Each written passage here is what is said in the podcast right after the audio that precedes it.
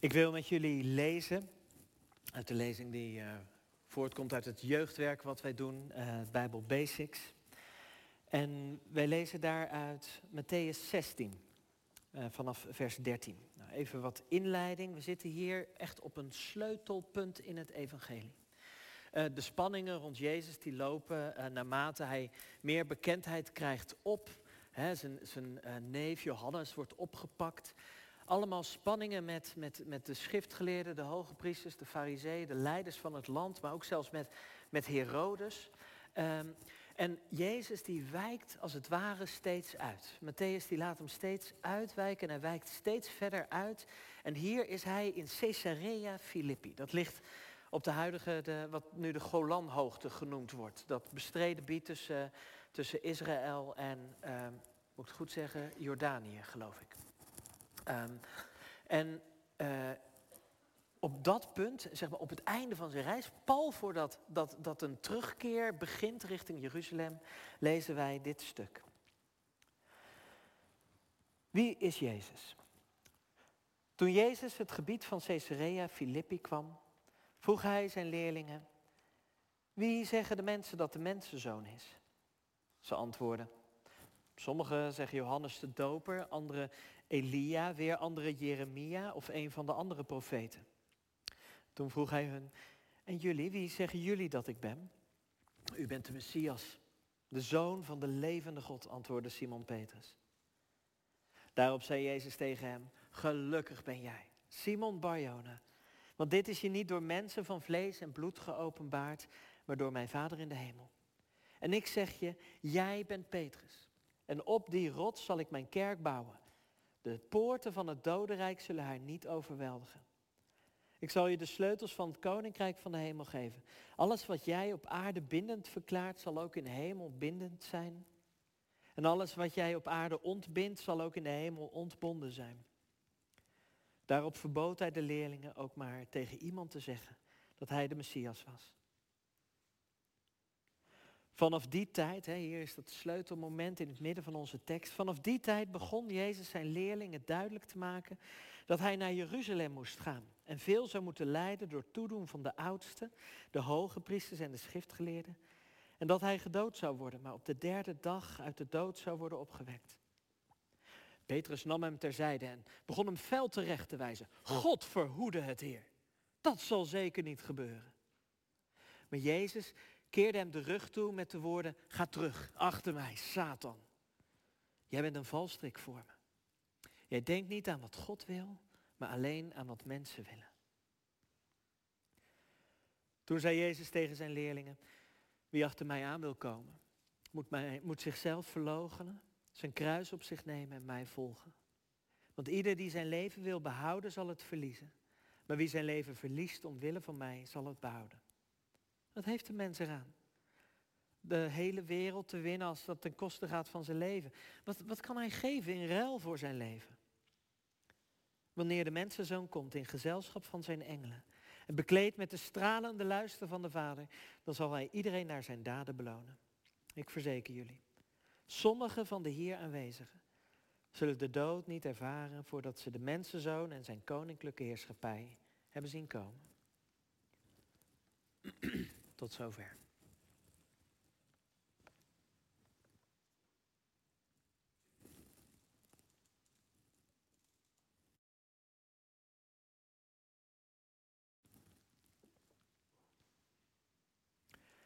Geliefde gemeenschap, volgelingen van Jezus. Jullie trekken al een tijdje met Jezus op. Samen met Petrus en, en de leerlingen. En zij hebben zoveel gezien al van Jezus. Ze hebben gezien hoe, hoe verlamden weer lopen. Ze hebben gezien hoe, hoe, hoe brood vermenigvuldigd wordt. Ze waren zelf het die, die met de manden rondliepen om al het overgebleven brood op te halen. Ze, hebben, ze, ze waren erbij toen Jezus zijn beroemde preek, de bergreden, uitsprak. Ze waren erbij toen, toen, toen wind en water stil werden enkel door zijn stem. Als er iemand zou moeten weten wie, wie Jezus is, dan, dan zijn het de leerlingen. En dan vraagt Jezus hen, wie zeggen de mensen dat de mensenzoon is? In andere evangeliën staat het dus, eh, eenvoudiger. Begint Jezus met de vraag, wie zeggen de mensen dat ik ben? Maar dat woord mensenzoon, dat, dat, dat is iets uh, wat in het evangelie van Matthäus haast synoniem wordt gemaakt aan Jezus. Jezus zegt, soms zegt hij de mensenzoon en soms zegt hij ik. En de mensenzoon, dat, dat is uh, een figuur uit Daniel 7. Mocht je je vervelen straks tijdens de rest van mijn preek, kun je het even opzoeken. In Daniel 7 komt er iemand met de gestalte van een mens, komt in de hemel en krijgt van God alle heerlijkheid en eer en macht en koningschap toebedeeld na een tijd van lijden. Dat is het beeld van de mensenzoon en dat werd synoniem eigenlijk voor, voor Messias, de beloofde koning die zou komen in Gods naam. Dat is mensenzoon. Um, oftewel, Jezus vraagt, wie ben ik volgens de mensen? En de mensen, ja, die, die hebben maar sprankjes gezien. Die hebben maar glimpjes gezien. Hun gewone leven ging door. En Jezus kwam daar misschien even binnen. Zij hebben het nog niet helemaal gezien. Maar ze zien wel dat, dat hij iets bijzonders is. En, en, en ze zien in Jezus iemand, uh, iemand als Jeremia. Een, belangrijke profeet die het ook zwaar gehad had. Ze zien in, hem iemand als die recente profeet, Johannes. En, en ze zien in, in, hem iemand als Elia, iemand die recalcitrant tegen, tegen, tegen, uh, uh, te, tegen de gevestigde orde ingaat. En ja, al die dingen zijn waar. Jezus draagt de, de geest van die mensen als het ware in zich. Maar het is niet de volledige waarheid. Want daarvoor heb je meer nodig. Meer, meer tijd met Jezus. Meer tijd in zijn gezelschap doorbrengen. Maar ook nog iets volledig anders. Iets, iets wat, wat, wat je aangrijpt. Gods hand die als het ware eh, zijn, zijn, je hart beetpakt en, en de waarheid over Jezus daarin kneedt. Je, je hebt zijn geest nodig. En als Jezus dan uh, die vraag stelt, stelt hij hem eerst over de mensen, maar daarna vraagt hij, en wie, wie ben ik volgens jullie? Wie, wie ben ik volgens jullie? Want Petrus, zijn hart is gekneed. De, de geest is daar in neergedaald. Dat is de enige manier hoe hij deze diepste waarheid over Jezus kan zien. En hij zegt, u bent de Messias. De zoon van de levende God. En ook jij. Jij trekt ook al een tijdje met Jezus op, toch? Veel verhalen over hem gehoord contact met hem gemaakt in, in gebed, in, in, in ontmoetingen met andere mensen. Misschien heeft hij wel op een bijzondere manier ingegrepen in je leven. Eh, jij trekt toch ook met Jezus op? Hoe, hoe goed ken jij hem? Wat zou jij antwoorden op die vraag wie Jezus is? Wie is hij voor jou? Is, misschien speel je, je, pas net met de gedachte van, van, van geloven. Misschien zit je hier, uh, lijkt me sterk met dat uurtje korter vannacht, maar misschien zit je hier voor het eerst in de kerk. En, en denk je, ik heb wel iets met dat geloof. Nou, nou weet dan dat, dat, dat geloven voor, voor, voor christenen altijd iets te maken heeft met Jezus. Dat het altijd gaat over Jezus volgen, Hem beter leren kennen en niet, niet zomaar, maar omdat we geloven dat, dat, dat, dat God uniek, geweest, uniek aanwezig geweest is in deze mens. Dus, dus als we God op het spoor willen komen, dan moeten wij kijken naar Jezus. Eh, maar stel nou dat, dat Jezus zich dan inderdaad naar je omdraait en zegt, wie ben ik? Volgens jou? Ben ik, ben ik degene die, die, die, jij, die jou genezen heeft? Ben ik degene die jou verlost heeft toen je ontzettend vast zat? Heb ik recht moeten spreken in jouw leven? Ben, ik als een, een, broer voor je? Als een vriend? Wie, wie ben ik voor je? Eh, of heb ik je misschien teleurgesteld? Heb ik nooit beantwoord aan jouw verwachtingen van mij? Ben je teleurgesteld omdat je het idee had dat ik je niet hoorde op het moment dat je me zo hard nodig had? Ben ik, ben ik voor jou ongrijpbaar? Weet je niet goed wat je met me aan moet? Bracht ik jou troost en rust? Of bracht ik je juist onrust? Bracht ik je in, in beroering? Ben ik een bron van van onvrede voor jou? Of heb jij het gevoel dat het nooit goed genoeg is? Dat als je mij ontmoet, dat je met, met, als je met mij probeert te spreken, dat, dat de morele lat altijd te hoog ligt. Wie ben ik voor jou? Het verschil tussen het antwoord van de mensen en het antwoord van Petrus is de, de verregaande consequentie die, die, die deze beleidenis over Jezus, deze, deze bekendmaking van Jezus heeft. Het, het effect dat dat heeft op zijn leven en op dat van de leerlingen. Kijk, de antwoorden van die mensen, die, die gaan over bijzondere personen. Maar het zijn allemaal personen uh, uit het verleden. Het zijn allemaal personen uh, waarvan je al weet wat je van ze kunt verwachten. Maar Jezus, de naam die Jezus hier krijgt van Petrus, de zoon van God, de Messias, dat, dat is, u bent de belofte. U bent dat, dat wat nog gaat komen, waar we nog geen grip op krijgen, maar waar we zo ontzettend naar verlangen. Zij waren richtingaanwijzers die Elia, Jeremia, Johannes naar iets groters, naar iets wat nog komen zou. Maar Petrus geeft het enige antwoord wat recht doet aan, aan wie Jezus is. Hoe hij op aarde geleefd heeft. En hij zegt, u bent de Messias. Dat is, u bent degene naar wie mijn volk al eeuwenlang uitziet. U bent degene van wie wij verwachten dat die bevrijding gaat brengen. U bent de zoon van de levende God. De levende God. Niet een God die, die afgedaan heeft, een God die de wereld geschapen heeft en vervolgens de rest maar met rust heeft gelaten. Nee, u bent de levende God, een God die ook nu nog kan ingrijpen in het leven en u bent zijn zoon. U bent diep verbonden met die God. Kun je dat met Petrus meezeggen? Natuurlijk niet helemaal, maar, want, want het is voor ons toch onmogelijk om, om, om mee te voelen wat het was om met hem te eten, te, te, te, te slapen, zoveel tijd met hem door te brengen. Maar, maar überhaupt om in, in de culturele mindset te komen van zo'n Jood van de eerste eeuw, dat is voor ons onmogelijk. Om echt te voelen wat dat betekent wanneer Petrus zegt, u bent de Messias, de zoon van de levende God.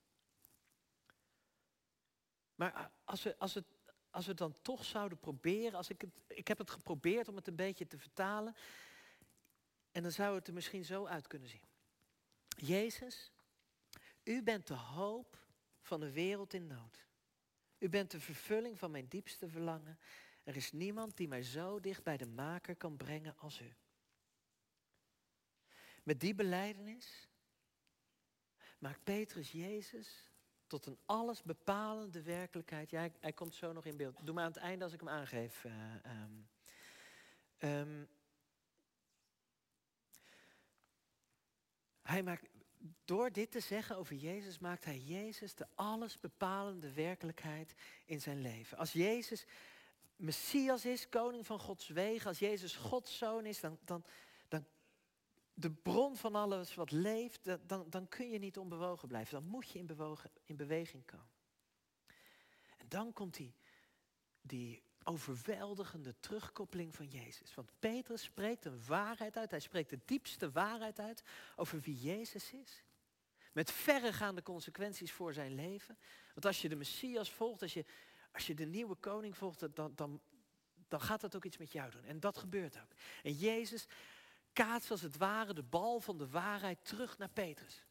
En hij zegt, Petrus, als dit waar is over mij, als dit jou door God geopenbaard is, dan ben jij Petrus. Simon Barjona, zegt hij. Simon Barjona, Barjona, de, de, vader van Petrus, die heette Johannes of Jona.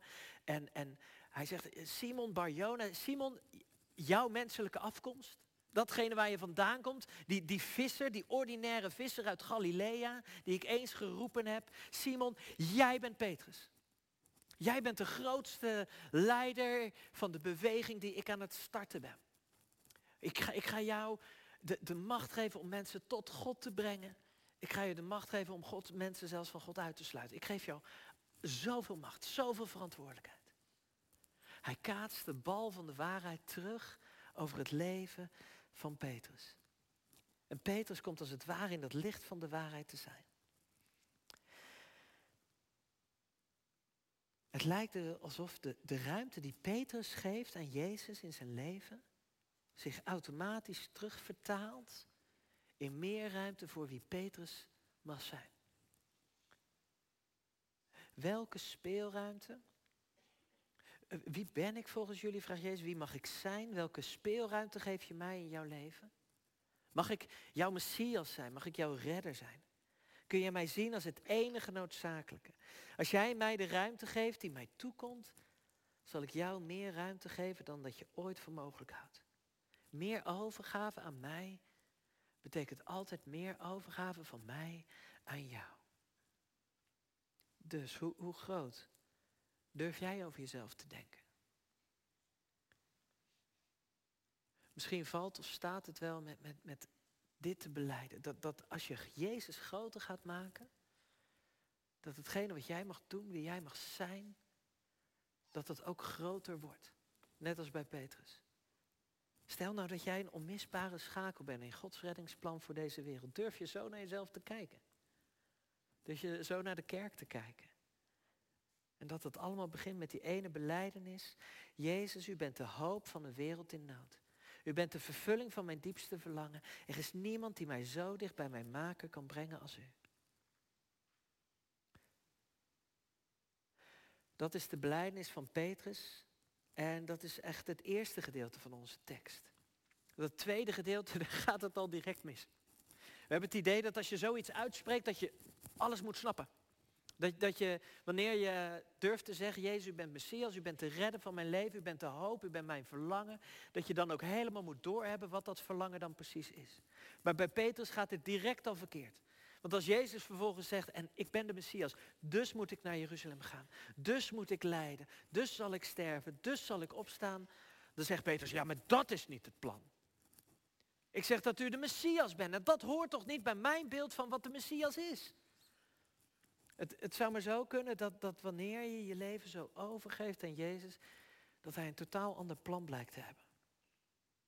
Want de grootheid van God ziet altijd anders uit. In Caesarea Filippi draait Jezus zich om, in Jeruzalem komt in het zicht. En hij snapt er nog steeds geen bal van, die Petrus. En misschien gaat het met ons ook wel zo. We geven ons over aan Jezus, we zeggen alle ruimte voor Hem te geven.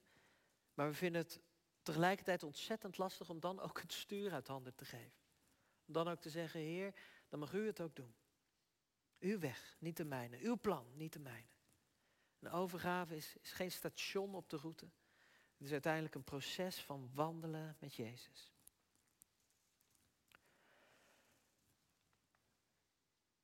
Wie is Jezus voor jou? Hoe zou jij die vraag beantwoorden?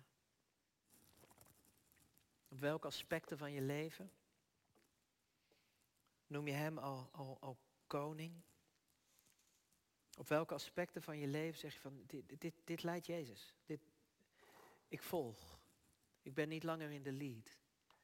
Maar ik wil, ik wil God volgen, ik wil Jezus volgen in mijn werk, in, in, mijn, in de manier hoe ik, hoe, ik, hoe ik mijn gezin run. In, in, in de manier hoe ik, hoe, hoe, ik, hoe ik omga met alleen zijn. Wie is Jezus voor jou? Wie, heeft, wie mag Hij zijn? Welke ruimte? Ik, ik wil een moment stil zijn met elkaar. En dan afsluiten met een gezamenlijk uitgesproken beleid. En laat me al een keertje in het scherm zien en mag die er blijven staan. En dat wij iets samen gaan uitspreken vandaag. Nadat we stil zijn geweest en gebruik die stilte ook om tot God te komen. Als je er klaar voor bent, ga, staan. Als er genoeg mensen gaat staan, dan gaan we het samen zeggen. Zullen we dat afspreken? Jezus, u bent de hoop van een wereld in nood. U bent de vervulling van ons diepste verlangen. Er is niemand die, zo dicht bij de maker, die ons zo dicht bij de maker kan brengen als u. Leer ons wie u bent en toon ons wie wij zijn. Ik hoop dat je je wil aansluiten bij dat verlangen. Om, om een waarheid uit te spreken over Jezus in je leven.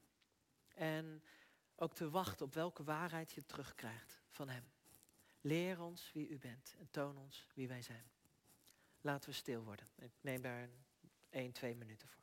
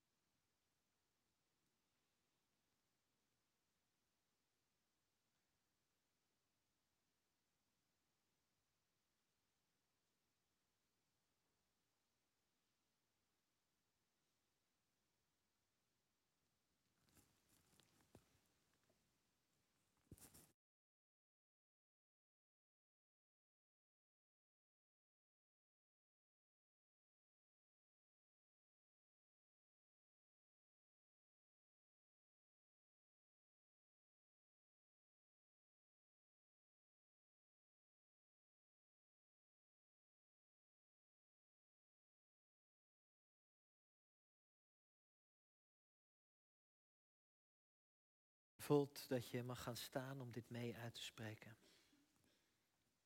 Ga gerust.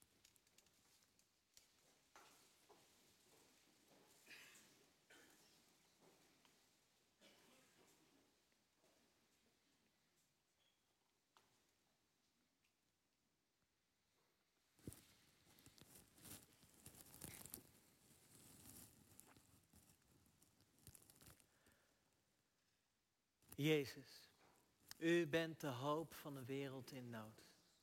De vervulling van ons diepste verlangen. Er is niemand die ons zo dicht bij de maker kan brengen als u. Leer ons wie u bent en toon ons wie wij zijn.